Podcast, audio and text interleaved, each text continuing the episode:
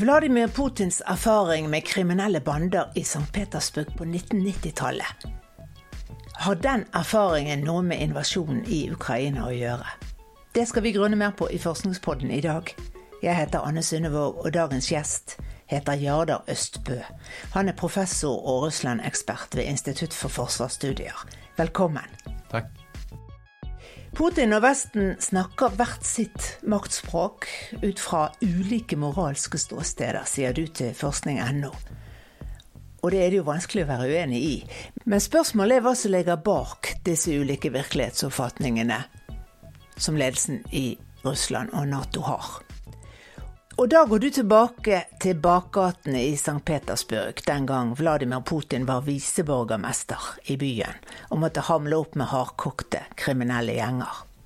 Hva slags situasjon var det Putin sto i den gangen på 1990-tallet? Ja, det var jo da altså ikke bare bakgatene, men uh, voldelige oppgjør mellom bander nærmest for åpen scene. Fordi eh, Russland var i en eh, kaotisk eh, situasjon på begynnelsen av 90-tallet, hvor liksom alle kortene var blitt kasta opp i lufta. man skulle ha en overgang til markedsøkonomi fra det kommunistiske plansystemet. Da måtte man omfordele, privatisere masse, omfordele masse eiendom, og det ble liksom kamp om de, de beste filetene da, i, i, eh, økonomien. Kontroll over havna, eh, rett og slett kontroll over territoriet da, mellom kriminelle gjenger, som, eh, som, som, var en prosess om å fordele territoriene mellom seg. Og Hva ble Putins rolle i dette, da?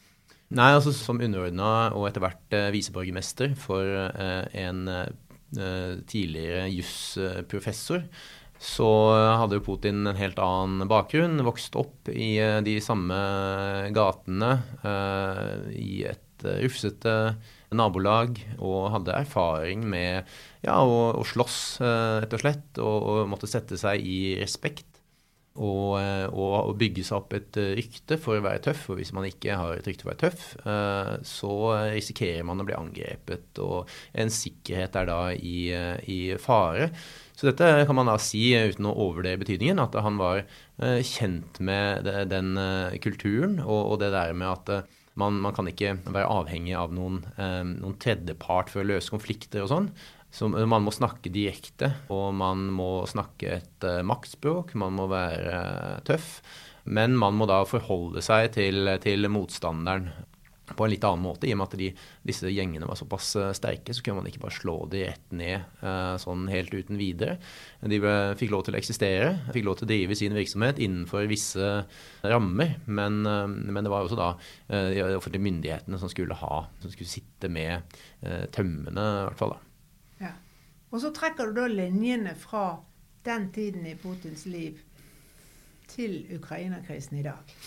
Det må du utdype. Ja, det kan man godt uh, gjøre. Um, fordi uh, selv om man har uh, folkeretten, og man har internasjonale normer, og man har FN, og man har også parter som um, mener å da besitte den eksklusive tolkningen av hva som er rett og galt, så er internasjonale relasjoner anarkiske. Altså det, det, det, består av eh, masse forskjellige aktører, og i hvert fall ikke noen eh, tredjepart som kan påtvinge eh, Eller altså en uavhengig tredjepart som kan påtvinge løsninger i konflikter. Så dessverre, da.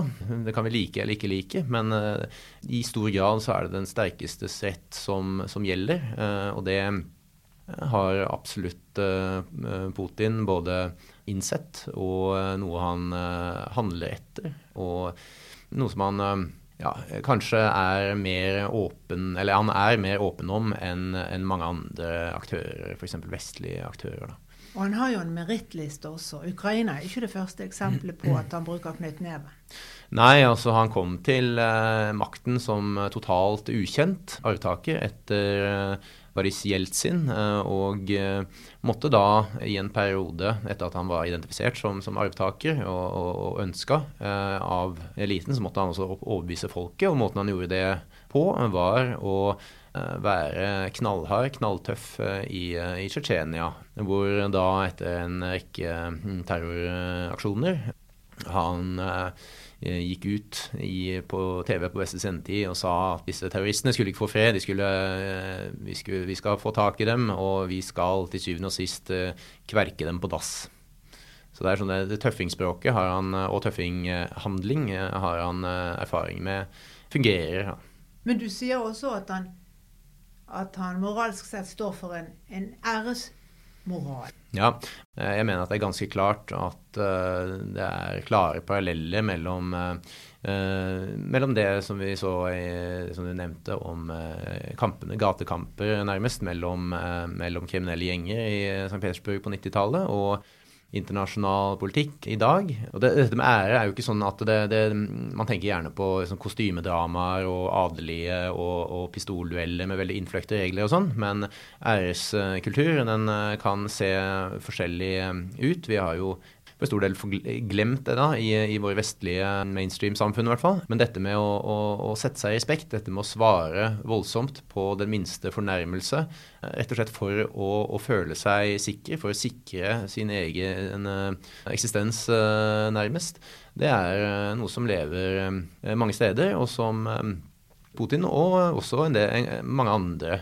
i det regimet har har erfaring med og føler, eh, føler med. Og de, de, har jo ikke da eh, noe særlig sans for dette alternativet, da.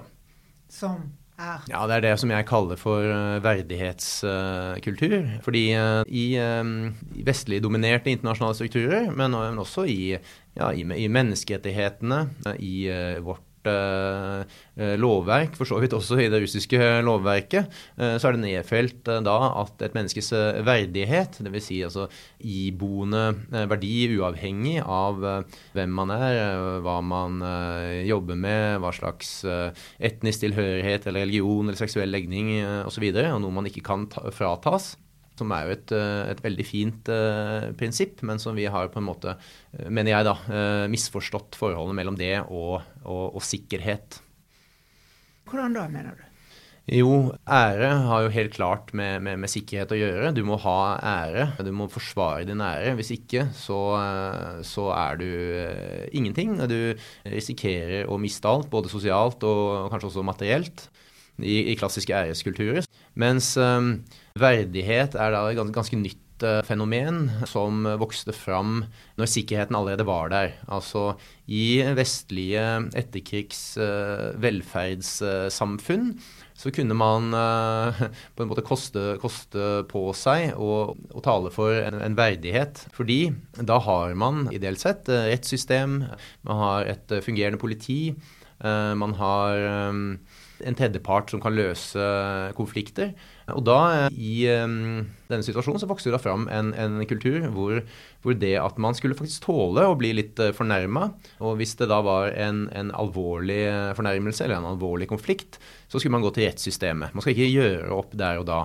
Og det er en kultur som står Putin fjernt? Det er det. Det sier vel også litt om demokratiutviklingen i Russland? Ja, det er um, umulig å tenke seg en sånn uh, verdighet uh, uavhengig av uh, demokrati. Så, så, verdigheten vokste fram da i liberale demokratier med velferdsstater. Det som har, har, da blitt situasjonen, det er at Putin og Russland opplever at demokratipromosjon og verdighetspromosjon er på en måte Vesten som som, som, misbruker dette her for å påtvinge eh, andre land, eh, særlig da Russland og særlig det tidligere Sovjetunionen, prøver å påtvinge dem et sånt eh, ideal. Og det også jeg vil hevde, er jo at det å prøve å påtvinge et sånt verdighetsideal uten først å sørge for sikkerhet, altså fred, et fungerende rettssystem eh, som da det tok eh, Vesten eh, lang tid å, å, utvikle, og ikke minst velferdsstat.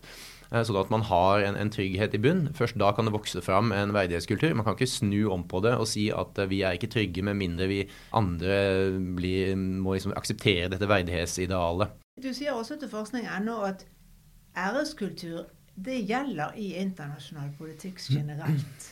Ja. At det er ikke bare autoritære ledere som utøver en slags æresmoral.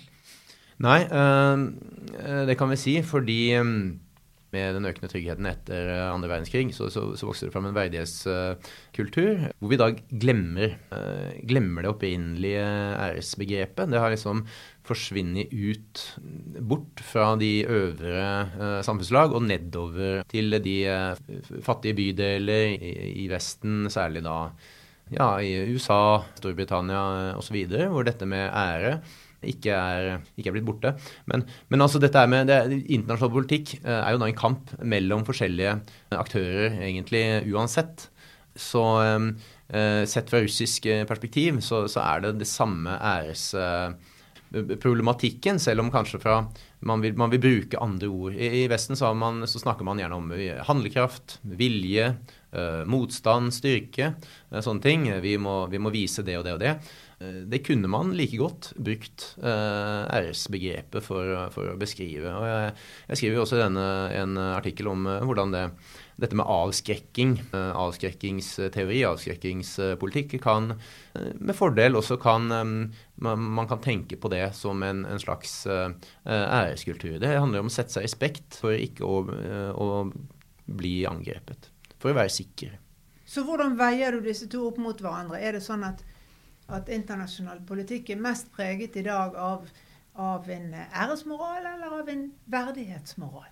Nei, altså hvis du ser det fra, fra russisk sted, så, så, så tenker de eh, for stor del i eh, sånne ærestermer, da, eller æresrelaterte termer. Det er mer sånn naken eh, æreskultur eh, vi ser i Vesten så, så, vil jeg si at man, eh, man, har en spenning mellom eh, det tradisjonelle, hvor man ville kunne bruke æresbegreper, tradisjonell maktpolitikk, og en sånn idealistisk politikk. Og det er jo særlig da uttrykt hos USA, ikke sant, med demokratipromosjon osv., som man i hvert fall har vært veldig opptatt av, internasjonale normer um, menneskerettigheter og sånn.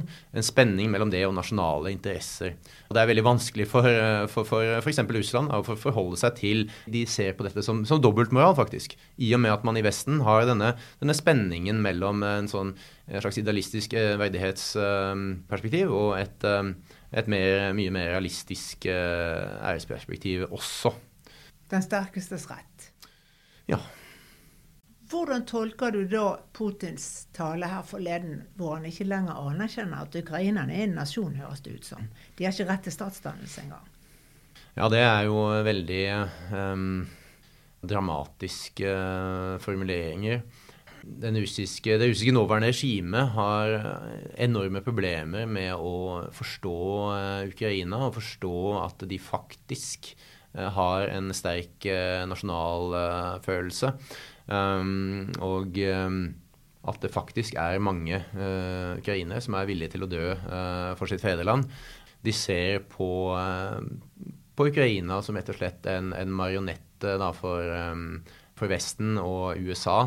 Og det, det er selvfølgelig helt urimelig, men man kan også da trekke linjer til da dette med internasjonale organisasjoner og rådgivningsselskaper og eh, internasjonale finansinstitusjoner, hvordan de gir en, en, en pakke eh, som land må, eh, må følge hvis de, hvis de, vil ha støtte, hvis de vil ha lån.